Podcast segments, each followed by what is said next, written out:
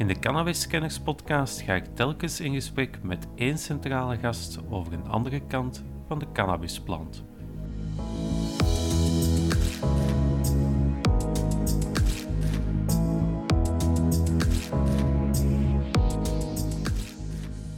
Het idee dat, ja, dat de overheid dan natuurlijk gaat zeggen, u mag niet drinken, straks zeggen ze ook nog, u mag geen seks hebben. Een soort ontradingsstrategie. Alcohol is niet, niet meer te zuipen. Alcohol onklaar maken. Na 10, 12 jaar had de Amerikaanse staat al bijna 900 miljoen dollar verloren aan belastinggeld.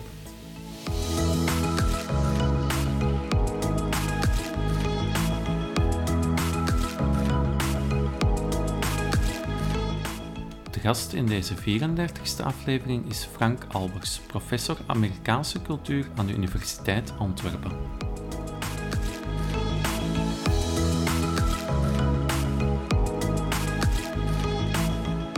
De politiek, de media. Overal horen we dissonante stemmen over het gebruik van cannabis. Tijd om de plant onder een ander licht te houden. Welkom bij Cannabis Kenners. Goedemiddag, Frank Albers. Fijn dat u tijd wil maken voor dit interview. Misschien kan je starten met jezelf eventjes heel kort voor te stellen. Ik ben docent uh, Amerikaanse cultuur en geschiedenis hier aan de Universiteit in Antwerpen. Ja, oké. Okay. Um, specifiek cultuurgeschiedenis van Amerika. Uh, voor de luisteraars is het misschien een beetje vreemd waarom dat ik jou heb uitgenodigd als gast. Uh, het heeft vooral te maken met het feit dat het thema drooglegging in heel veel verschillende eerdere gesprekken al wel eens aan bod is gekomen. En in deze aflevering zou ik het uh, specifiek over dit aspect willen hebben. Nu, om te starten, de, de drooglegging, kan u misschien een beetje kort uitleggen in welke ja, socio-economische, maatschappelijke omstandigheden is dat eigenlijk ontstaan in, in de VS? Wat was de voedingsbodem om daarvoor tot over te gaan, tot die drooglegging? Die voedingsbodem was uh, complex, denk ik. Divers ook. Er was niet één bepaalde reden of één bepaalde oorzaak. Mm -hmm. Er waren verschillende dingen. Dus voor de goede orde, de drooglegging betekende dat in de Verenigde Staten alle alcoholproductie, um, transport, import verboden werd, um, maar dus niet consumptie. Dus als je op een of andere mysterieuze wijze toevallig wijn of whisky in je huis had, op het drinken van alcohol stond geen straf. Maar de vraag was, hoe ben je eraan gekomen natuurlijk. Hè? Dus de productie en de import um, was strafbaar. Hm. En die periode heeft geduurd van, 2000, van 1920, sorry, van 1920 tot uh, 32, zoiets. Ja, mm. tot 12, 13 jaar. Nu, uh, voordat dat in 1920 um, werd ingevoerd, was er al heel lang, of waren er al heel lang problemen met het drankgebruik in Amerika. Dat wil zeggen dat um, al in de, 19, in, de, in de 19e eeuw en het jaar 1800 en zo verder, had je al bewegingen van mensen die vonden de, dat het de spuigaten uitliep met dat drankgebruik. En dan hadden ze het vooral over ja, mannen in fabrieken, in steden, hè, want dat was toen allemaal in opkomst, die um, nou ja, hun, hun, salaris kregen, hun geld kregen en naar de kroeg trokken en alles opzopen. Waarna ze thuis kwamen en hun vrouw sloegen. Hè? Om het nu simpel uit te drukken. Ja. Dus daar kwam het zo'n beetje, uh, dat was een van de dingen, het geweld, de, uh, de economische armoede ook. Um, die ontstonden als gevolg van het drankmisbruik van veel mannen. Daarnaast was er ook een religieuze motivering. Er waren religieuze groeperingen in de maatschappij die dus het gebruik van alcohol zondig vonden en vonden dat mensen geheel onthouders moesten zijn om, om de Heer te pleasen, zal ik maar zeggen. Dus uh, er waren ook religieuze motieven om drank gebruik, en zeker drankmisbruik, maar eigenlijk alle drank, alcoholisch drankgebruik, te bestrijden, te beteugelen, te verbieden. Um, dus het was on, een onderdeel ook van een soort anti-stedenmentaliteit die je zag naarmate de steden groter werden in de 19e eeuw. Um, ontstond er een soort polariteit en spanning tussen het platteland, zeg maar, en de steden. En mensen in steden leefden natuurlijk um, dicht op elkaar. Daar zag je ook de grootste toestroom van buitenlanders, um, vreemdelingen. En ja, daar uh, ontstonden toen al grote fricties over in de 19e eeuw, zeker ook in het begin van de 20e eeuw. Ik denk nu maar in het huidige hè, klimaat, dat er ook toen in Amerika een soort red scare geweest is. Dat wil zeggen een grote angst voor alles wat uit Rusland kwam als gevolg van de Russische revolutie in de jaren 1918, 20, mm zoiets. Ja. Ja. Ehm, ook heel interessant, ook de hyperracistische Klan schaarde zich achter die anti-alcoholbewegingen. ook zij vonden dat alcohol des duivels was. En ook zij hebben, en die hadden toen 5 miljoen leden in het begin van de 20e eh, eeuw, dat is best veel. Dus die ehm, waren ook voor het algemene verbod op alcohol. Dus je zou kunnen zeggen, de vrouwenstrijd, de strijd tegen ongelukken en geweld als gevolg van drankmisbruik, ook volksgezondheid natuurlijk. Mensen wisten ook wel dat er veel ziektes of uh, verslavingen of andere vormen van fysieke schade werden opgelopen door het te veel drinken. Met andere woorden, er waren heel veel ehm, verschillende motieven die samenkwamen in de strijd tegen koning alcohol. Oké, dus het was, het was een, een, een samenraapsel. Ik wil heel kort toch ingaan op, op wat u zegt van het, het, het, het was niet verboden om het te bezitten. Dus als men je aantrof, bij wijze van spreken met een fles whisky of een fles wijn, werd dan die vraag gesteld van waar heb je het gehaald of dat was dan niet relevant? Want die... Ik weet niet of mensen gearresteerd werden. Ik denk het dus niet op basis van het bezit. Ja. Um, Maar, ja, kijk, het bezit zal sowieso natuurlijk snel... Um, hoewel is niet helemaal waar wat ik wou zeggen. Um, ik wou zeggen, het bezit zal sowieso snel opdrogen als er geen productie en geen consumptie... of en geen transport meer is. Maar in de praktijk bleek, was het zo dat door die hele beweging um, richting algeheel hè, alcoholverbod, mensen wisten heel goed dat dat er zat aan te komen. Hè. In de jaren 1910, 1915, 16, 17. De, de sfeer in het land wees daarop. Dus je zag ongelooflijke hamsterpraktijken. Mensen hebben ongelooflijk veel alcohol gehamsterd. Dus ja, als het dan eenmaal verboden werd, en dat was eigenlijk pas in 1920, ja, toen konden mensen echt nog wel een tijdje voort met de alcoholische stoks die ze hadden aangelegd. Mhm. Oké, ehm, een van de aspecten die u aanhaalt zijn die religieuze motieven. Hè. Moeten we dan meer echt al teruggaan tot de ontstaansgeschiedenis van de Verenigde Staten? Want de kolonisatie is toch ook deels religieus gevoed, hè? het ontstaan van de VS. Ja, natuurlijk. Ik bedoel, als je daar naar terug gaat, dan hebben we het over de Puritijnen, dan hebben we het over New England, dan hebben we het over begin 17e eeuw. Ja, dat waren natuurlijk niet bepaald uh, hedonistische dandies die daar uh, uit die bootjes stapten. Nee.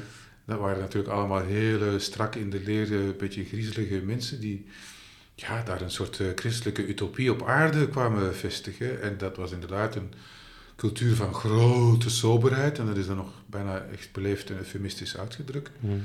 van grote soberheid en in hun kleding en in hun gedrag en in hun woonst, woningstijl, zeg maar. Dus ja, het, alcohol was toen nog niet helemaal strikt wettelijk verboden, maar dat het ehm, ja, op de sombere blikken of erger van de Puritijnen kwam te staan, ja, dat is wel duidelijk. Um, we hebben het gehad nu over, over de, de voedingsbodem, hè, de, de, de, groepen die eigenlijk voor een, een verbod waren, een drooglegging. Hoe is dat dan eigenlijk omgezet in wetgeving? Hè? Is dat dan van de ene dag op de andere dag in alle staten tegelijk? Was de regelgeving overal hetzelfde? Is dat geleidelijk aangegaan? Het is, ja, het is tamelijk, toch wel tamelijk um, snel gegaan. Dat wil zeggen, ja, in december, november, december 1917 werd er ehm, in het parlement, dus in, uh, in het congres, in de House, werd er een uh, voorstel ingediend om een nieuw amendement toe te voegen aan de grondwet. Het zogenaamde 18e amendement. En in dat, dat uh, amendement zei dat dus productie, verkoop, transport en ook import zelfs van, zoals dat, zoals dat dan heette, consumptieve alcohol. dus alcohol bestemd voor consumptie. Um, verboden zou worden. Nu, als je zo'n amendement aanneemt in eerst meestal het Huis van Afgevaardigden en dan de Senaat, wat toen gebeurd is, ja, daardoor wordt, wordt dat niet automatisch wet. Mhm. Dat wil zeggen, of zoals men in Vlaanderen altijd verkeerd zegt, daardoor treedt dat niet in voegen. Dat is een afschuwelijke taalfout. Dus um, daardoor wordt die, wordt die wet niet meteen geactiveerd. er begint dan, zoals wij ook wel kennen, denk ik, uit andere momenten in de Amerikaanse geschiedenis, een ratificatieproces. Mhm. Dus alle staten moeten. ehm, Individueel in nog eens akkoord ja, gaan. Ja. Maar het ging hier om een amendement van de grondwet. Dat betekent dat je drie vierde van de staten akkoord moet doen verklaren. Als Mhm. drie vierde van de staten zich akkoord verklaren, dan is het automatisch een wet die voor het hele land geldt. Mhm. Maar als, ehm, als je niet aan drie vierde van alle staten, als die niet meedoen, ja, dan krijg je het er dus niet door. Zie je? Mhm. Dus dat vergt een zekere, ehm, ja, een zekere ja, politieke zoektocht en, en, en, en een campagne om, al die om voldoende staten te overtuigen om zo'n voorstel voor een nieuw amendement goed te keuren.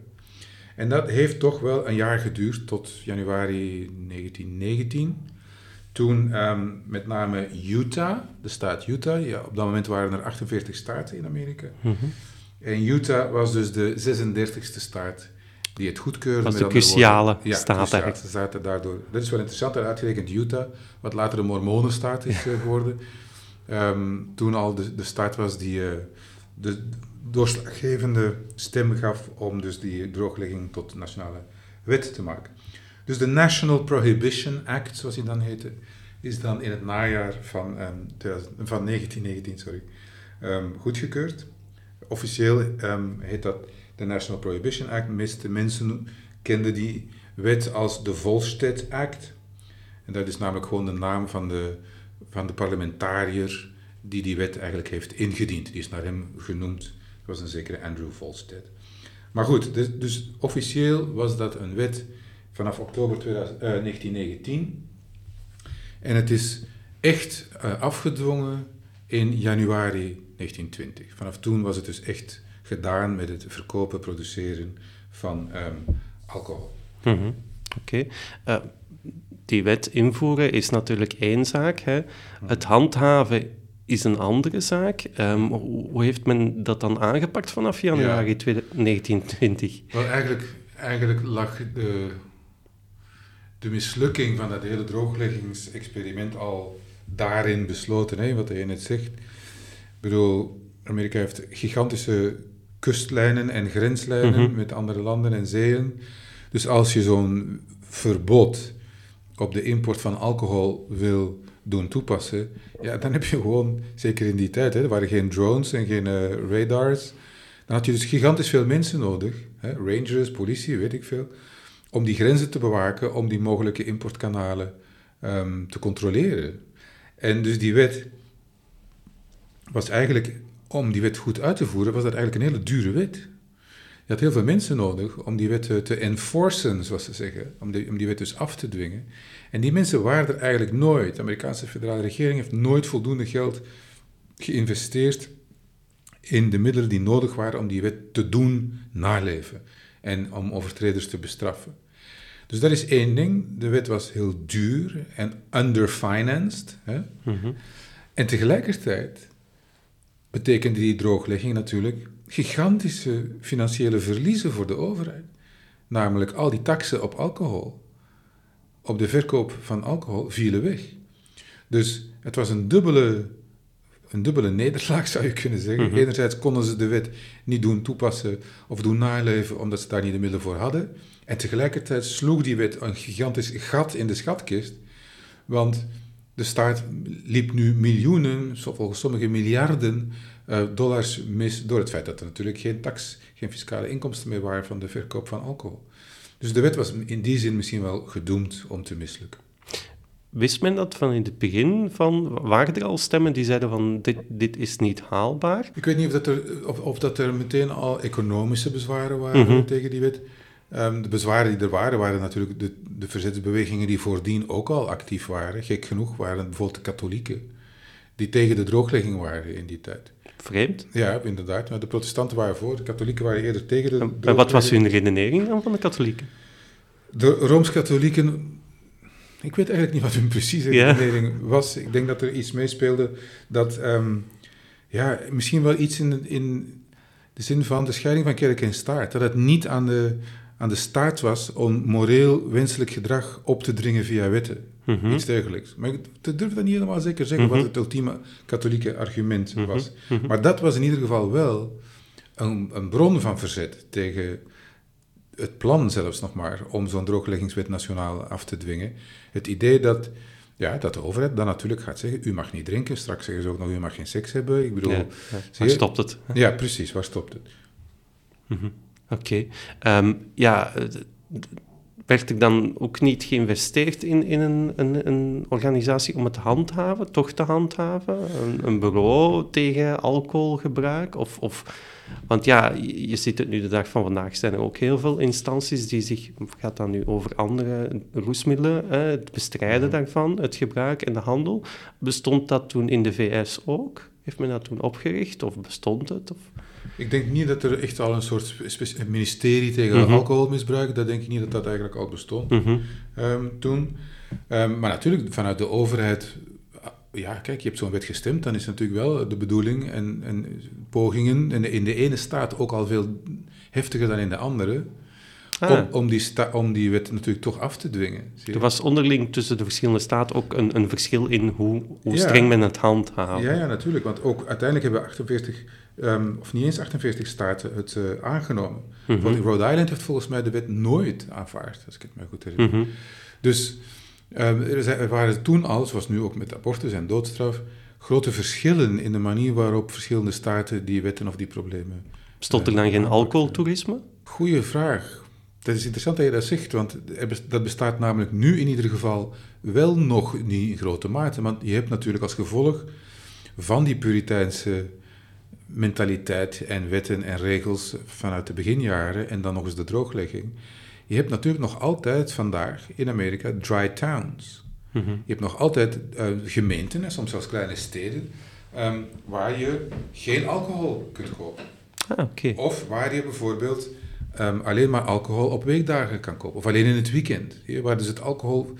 Ik ben in steden geweest waar, waar je een supermarkt binnenloopt en waar bepaalde gangen met grote traliehekken afgesloten zijn. En ik dacht, wat is hier aan de hand? En dat bleken dan gewoon de gangen te zijn waar de flessen wijn stonden.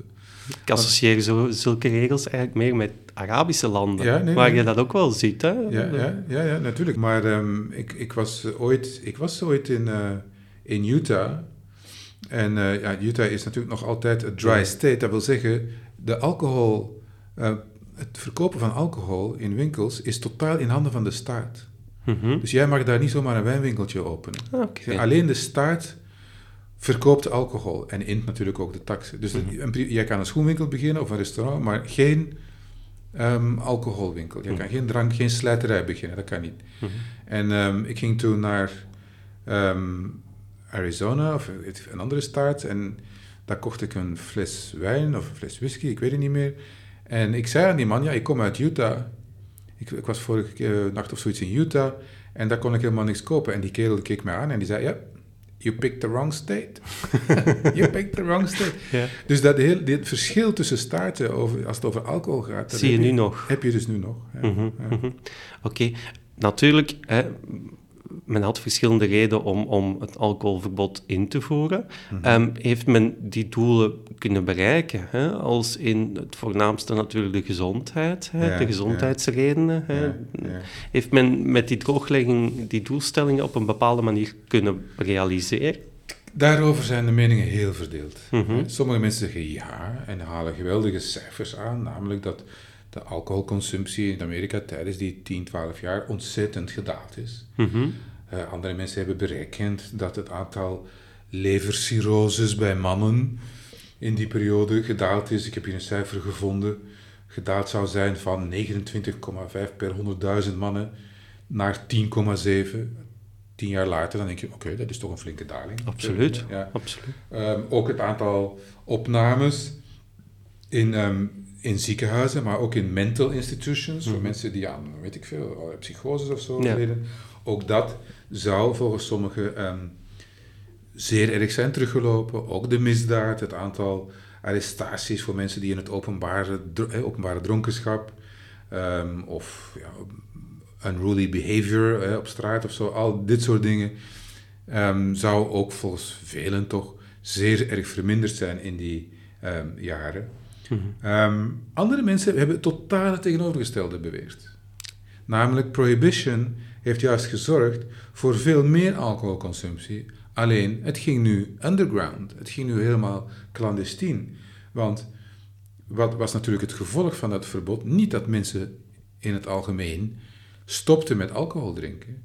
Het werd gewoon een illegaal handeltje. Het ging inderdaad de illegaliteit in. Mhm. En je kreeg dus onder meer, en dat is wel een bekend verschijnsel denk ik, de creatie in heel Amerika, maar ook vooral in steden zoals New York, van ontzettend veel zogenaamde speakeasies.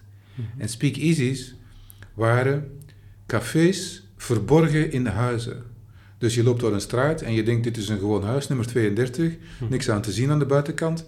Maar als je goed bent ingelicht over jouw buurt, dan weet je, als jij de deur van nummer 32 open doet, zit gewoon een café achter.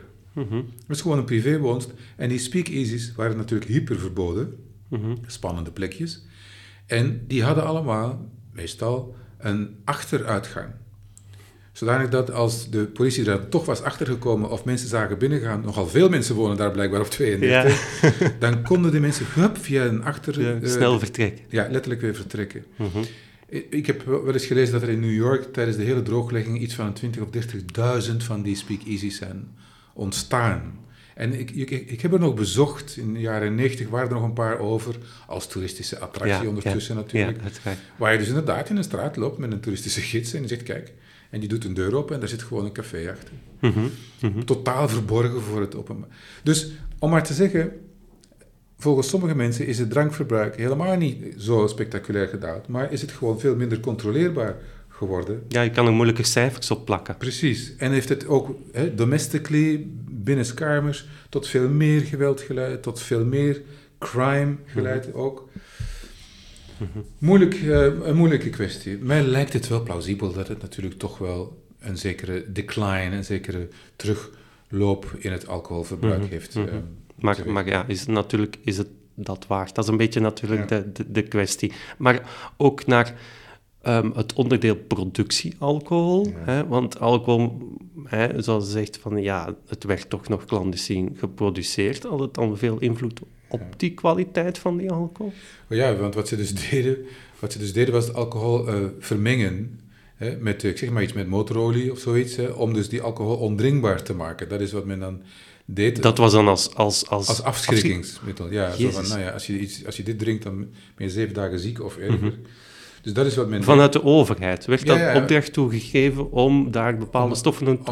Om, het, ja, een soort ontradingsstrategie. Alcohol is niet, niet meer te zuipen. Alcohol onklaar maken. Mhm. Maar ja, je had natuurlijk wel um, grote brouwerijen in Amerika al lang voor de drooglegging. Hè, ja, want het, blijft toch een economie, hè? die economie bestond. Ja, hè? Tuurlijk, tuurlijk. Wat doen die brouwerijen? Wordt dat dan iets anders? Of, of, of, Ja, kijk, eh, vroeger dronken ze heel veel whisky, later zijn ze heel veel meer bier gaan drinken. Mm um, en dat is het interessante ook in die brouwerijen. Ten eerste, er zijn duizenden brouwerijen over de kop gegaan natuurlijk tijdens die drooglegging. Mm Maar lang niet allemaal. Sommige van de grootste, ik denk aan Coors. Coors was, is nog altijd een biermerk in een brouwerij in mhm. Amerika. C-O-O-R-S. Mm -hmm. En dat was er toen ook al. En veel van die uh, brouwerijen, um, ja, misschien is het iets wat sommige, in sommige sectoren ook vandaag moet overwogen worden, gingen diversifiëren, gingen hun producten veranderen. Dat wil zeggen, ze mochten geen alcohol meer maken en verkopen, maar die alcohol werd gemaakt, ik zeg maar iets, uit gist en malt mm -hmm. en andere producten. En op het maken of produceren van die producten op zich stond geen enkel verbod. Mhm. Dus je mocht geen bier meer maken, maar je mocht wel de ingrediënten waarmee je bier kon maken, die mocht je wel afzonderlijk natuurlijk produceren en verkopen, bijvoorbeeld aan de landbouw, zeg maar iets, of je maakte daar andere soorten drankjes mhm. mee. Dus sommige, sommige brouwerijen hebben gewoon overleefd door ja, van producten te veranderen en, en tijdelijk alleen maar, zeg maar gist en malt en andere dingen te verkopen. En dan als de drooglegging voorbij was, dan kunsten ze die dingen weer samen en kwam er opnieuw bier uit. Ja, ja. ja. Oké. En, en, en de bier, de alcohol die dan gemaakt werd, toch geproduceerd werd illegaal. De kwaliteit van daarvan zal ook wel niet... Ja, dat was natuurlijk uh, in vele gevallen veel minder. Tegelijkertijd denk ik, maar daar heb ik geen echte cijfers hmm. voor. Er is altijd wel een elite die aan prima wijntjes en aan prima biertjes komt. Ik denk echt niet dat... Uh, dat Washington uh, zich aan allerlei uh, bochtwijnen uh, overgaf. Ik denk dat die wel best fatsoenlijke drankjes mm hadden nodig. Ik heb nooit iets gelezen over een een member of Congress die door een wijnvergiftiging Mhm. is omgekomen. Maar dat gebeurde misschien wel meer bij de gewone bevolking, hè? Die, die, ja, die wijnvergiftiging. ja, ja. Nu, er was ook iets over het alcoholpercentage van die drank. Mhm. Dus het was niet zo dat ehm, alle alcohol totaal verboden was. Er was een bepaald percentage, en ik weet nu niet meer van buiten 0, whatever.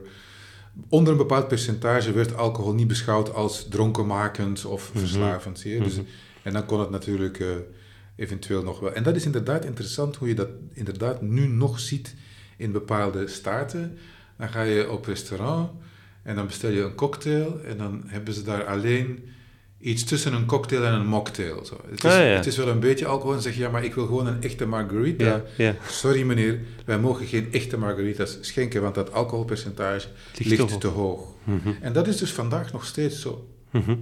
Oké. ehm, wat ook wel door eerdere gasten werd aangehaald in, in, in de podcastreeks, is het, het feit dat door de drooglegging ja, men meer geneigd was om illegaal sterkere drank te maken. Want ja, hoe sterker de drank, hoe minder te vervoeren. Ja, ja, dat is waar. Daar heb ik ook al vaker over gelezen, dat ze inderdaad weer meer sterke drank Ja, gingen gebruiken. ja.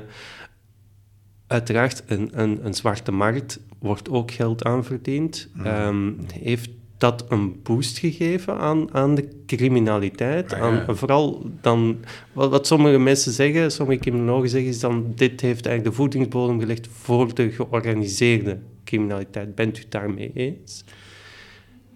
Ik weet niet of er daarvoor geen georganiseerde criminaliteit Maar was. op zulke schaal Nee, ja, precies. Op die schaal.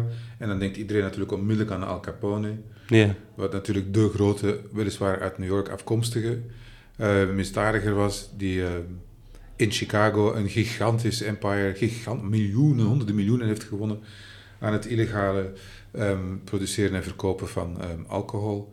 Ehm, ik ben een paar jaar geleden nog in, het- in, de, in de bar geweest, het, het stamcafé van Al Capone. Dat kan je nog steeds bezoeken in Oh, eh, Chicago. leuk. Dat is nu een hele leuke jazzbar trouwens.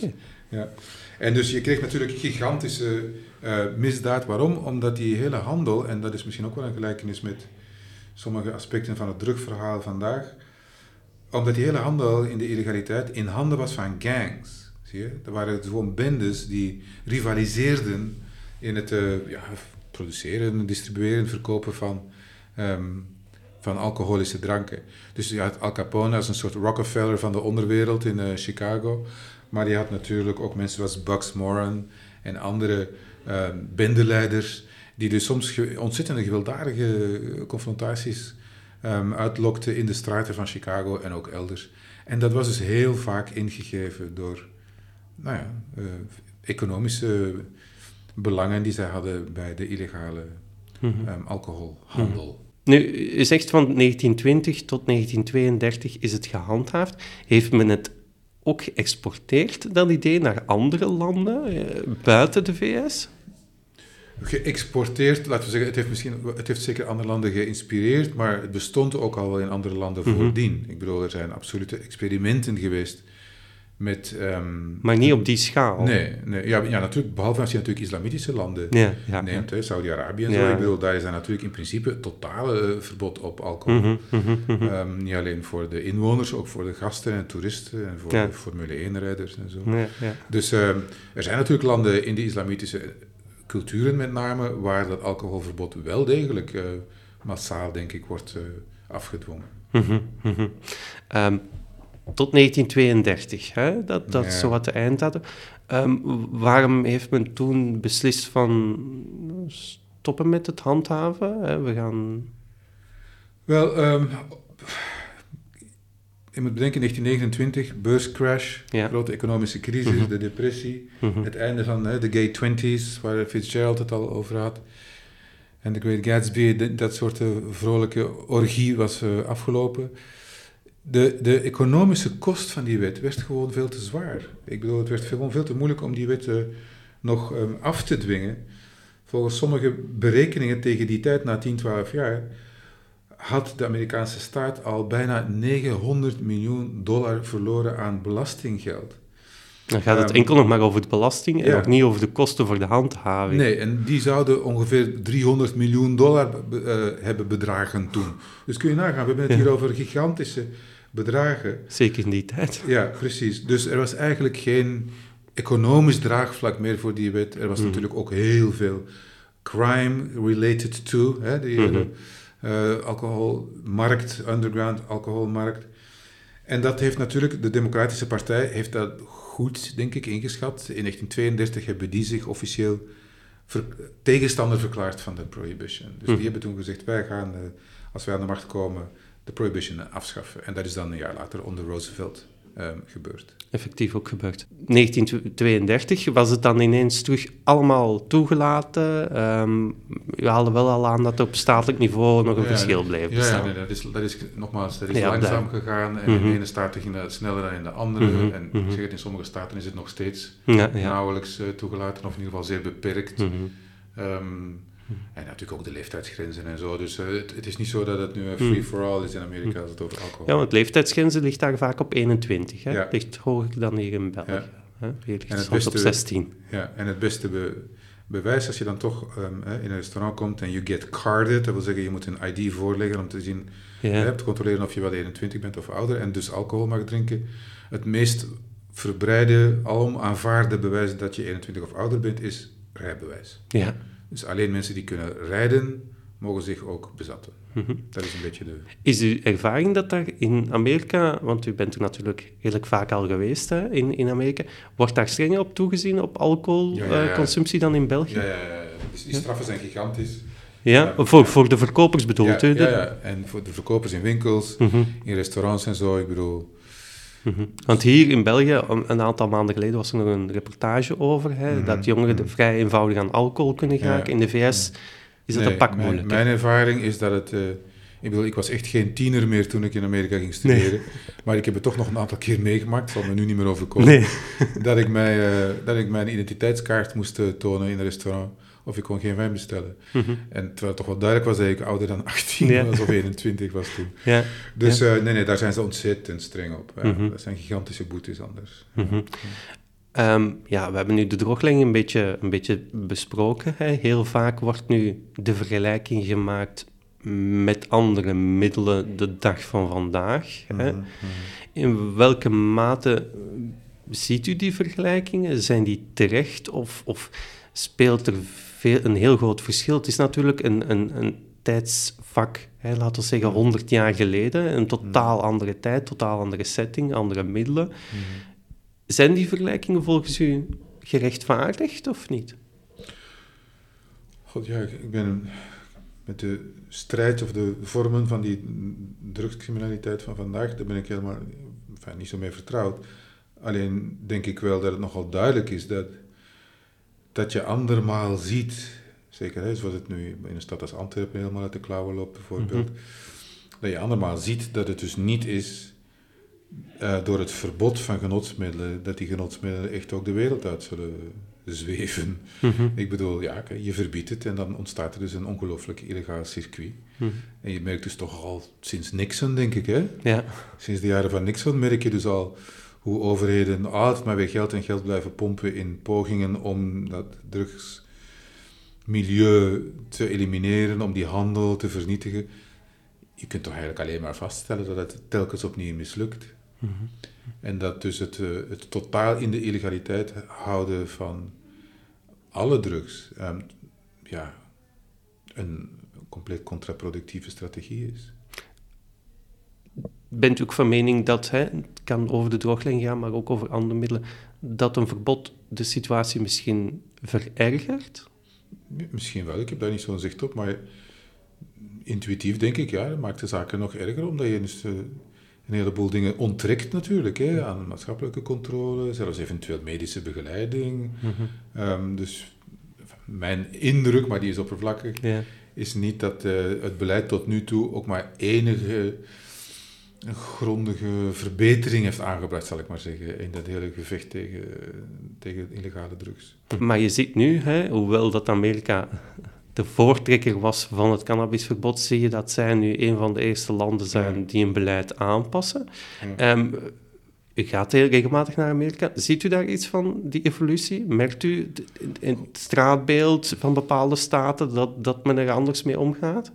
Nee, in het straatbeeld heb ik daar nog niet veel van gemerkt. Ik heb alleen wel, ja, vrienden in Amerika, sommige staten, het is ook niet anders. Nee, nee, absoluut niet. Nee. Maar Colorado, Californië en zo, daar hebben, vriend van mij, die heeft gewoon zo een, een plastic kaartje in zijn uh, portefeuille zitten voor recreational cannabis medical uh, use ja. uh, of cannabis. En die gaat daarmee gewoon zo naar de winkel. Ja. En daarmee krijgt hij zijn cannabis. Wat in zekere zin een soort terug, het is natuurlijk heel matig en, en nog beperkt, maar in zekere zin is het natuurlijk toch een terugkeer naar de early days. Hè. Ik bedoel, zelfs heroïne en zo waren in de 19e eeuw in Amerika niet verboden.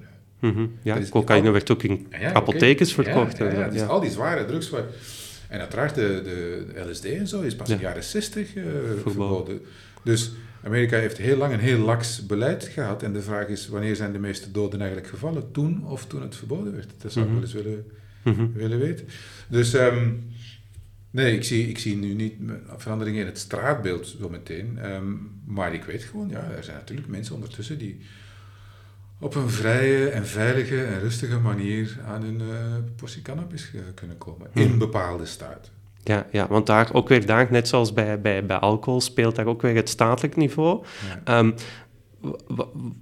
want hoe ver gaat, hè, als we het nu bij cannabis houden, die staten kunnen onafhankelijk een beslissing nemen hoe ze hun beleid voeren. Vanaf wanneer speelt het federaal niveau rond zo'n wetgeving een rol? Want op federaal vlak blijft het nog altijd illegaal. Hmm. Wat moet er juist gebeuren om het op federaal niveau ook legaal te krijgen? Wat is juist het, de, de, procedure, wetgevend gezien? Dat is een heel interessante uh, kwestie. Ik denk dat als je het federaal wil goedkeuren, dan moet je natuurlijk een, een, federale wet laten stemmen. En dan moet je natuurlijk een, iemand hebben die zo gek is, of zo nobel, hoe je het ook wil noemen, om in het congres een wetsvoorstel in te dienen dat het gebruik van cannabis nationaal gesproken zou legaliseren. Mhm. Volgens mij zou dat nog wel kunnen, alleen krijg je dan denk ik gewoon een soort omkering van de situatie. Dan wordt het dus op nationaal vlak gelegaliseerd. Mhm. Misschien dat dat nog wel zou lukken, hoewel de Republikeinen natuurlijk mordicus tegen zullen stemmen. Maar dan krijg je natuurlijk het verzoek van bepaalde staten om in hun staat mhm. drugs te verbieden. Ja? En dan is weer de vraag van, ja, kan je dat dan doen? Want dan, is dat dus, dan krijg je dus zoiets als de abortuskwestie. Ja, daar wou ik naar verwijzen. is een beetje hetzelfde. Hè? Ja. Daar, daar ja. dan krijg je dus een soort oppositie tussen staten, maar dat is natuurlijk het fascinerende aan Amerika, telkens opnieuw. Dan krijg je dus het, uh, het conflict, de eeuwige wrijving tussen de vrijheid en de legaliteitsprincipes um, op statenniveau mm en op federaal niveau het is een algemene vraag, omdat het mij wel boeit. Als je nu bijvoorbeeld in een staat woont in de Verenigde Staten, hoeveel van de wetgeving waaraan je je moet houden hè, mhm. als burger, mhm. is statelijk bepaald mhm. en hoeveel ligt op, op het federale niveau? Ja, dat is ook een hele goede vraag, eh, maar ook wel een beetje moeilijk om te beantwoorden, in die zin dat dat allemaal heel erg verschuift en verschoven is. Eh, vroeger had je ehm, het, het verschijnsel delegated powers heet dat. Mhm. Delegated powers. En dat betekent, de federale regering heeft alleen over die dingen macht, zeggenschap, die wij, staten, expliciet aan die federale regering hebben toegeschreven. Mhm. Alles wat niet expliciet federaal is gemaakt, blijft automatisch bij de staat. Wij, voor ons, de Europeanen, is dat toch soms een beetje moeilijk te vatten. Staten zijn wel natuurlijk veel onafhankelijker ten opzichte van elkaar en ten opzichte van de federale overheid dan, dan bij ons provincies of zo. Ik bedoel, dat, is, dat is echt iets helemaal anders. Mhm. En het voorbeeld dat ik altijd geef aan mijn studenten is de doodstraf. Mhm. Je kunt je toch niet voorstellen dat je in dit land, mhm. in West-Vlaanderen, de doodstraf zou kunnen krijgen voor een bepaald vergrijp, terwijl je in Limburg daarvoor maximaal 20 jaar in de gevangenis gaat. Ik bedoel, ja. snap je? Dus de doodstraf is geen federale materie. Mhm. het is, maar het, wil, het, is, het is zo dat het natuurlijk eerst federaal moet toegestaan zijn, waarna staten kunnen beslissen of ze het al dan niet ook gaan implementeren. Maar je hebt wel op federaal niveau een toestemming nodig. Hè? Zoals je natuurlijk ook op federaal niveau een toestemming voor abortus nodig had. Die is nu weggenomen, ja, dan maak je de staten wel onmogelijk natuurlijk. Dus historisch is het zo gegaan dat er steeds meer macht naar de federale overheid is gegaan. Mm 100 jaar geleden had de federale overheid veel minder macht over de staten dan nu.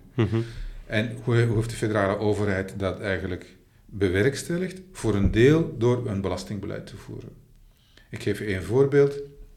In de jaren 50 wilden ze onder Eisenhower een nationaal um, snelweg uh, netwerk door Amerika leggen. Hè? Want mhm. elke staat had zijn eigen wegen en in de ene straat was de straat breder dan in de andere. Ja.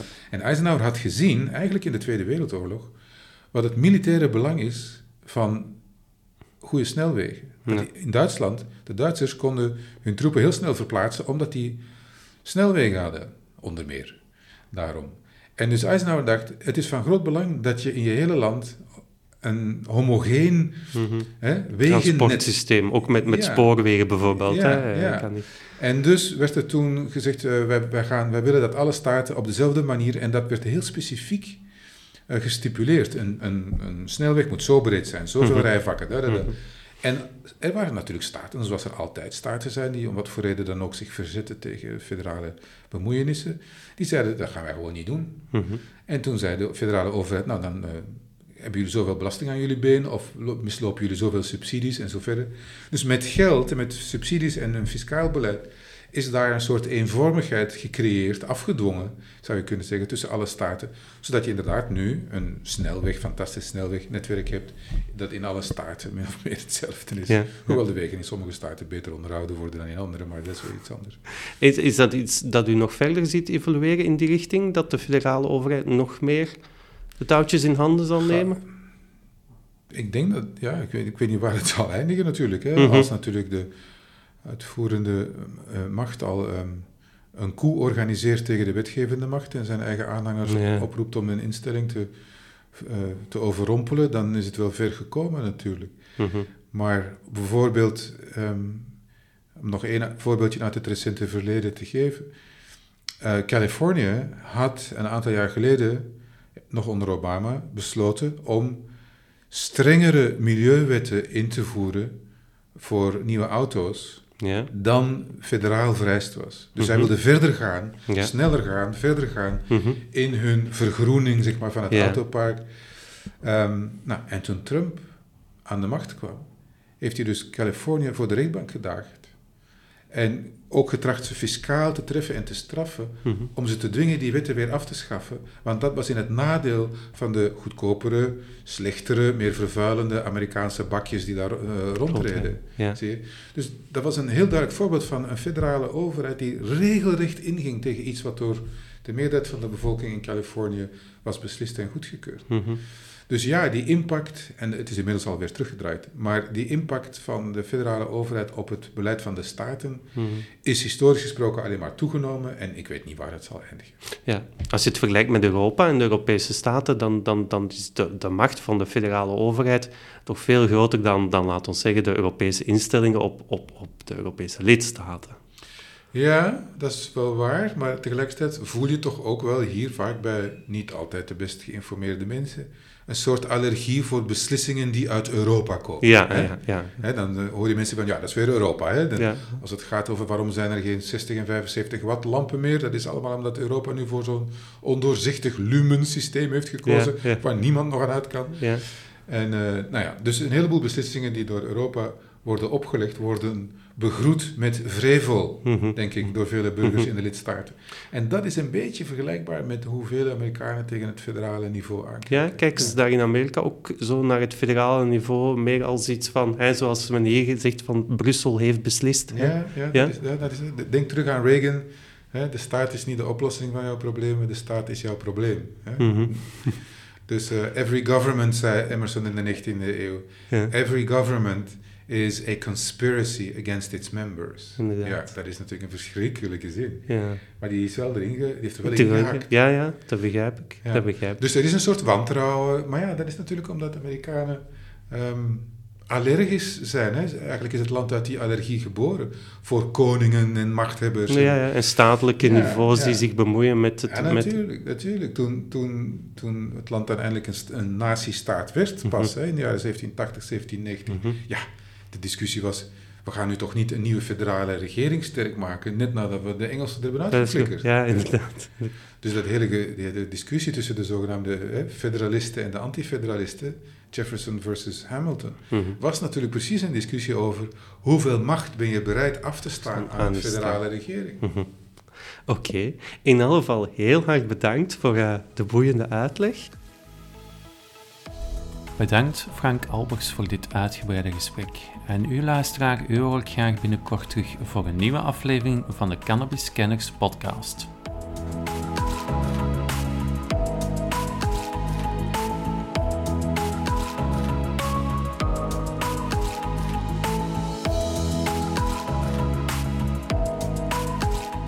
Voor meer podcasts ga naar www.cannabiscanners.be of voeg Cannabiscanners toe in je favoriete podcast-app. Heb je een vraag of wil je graag iets delen? Mail dan naar info.cannabiscanners.be.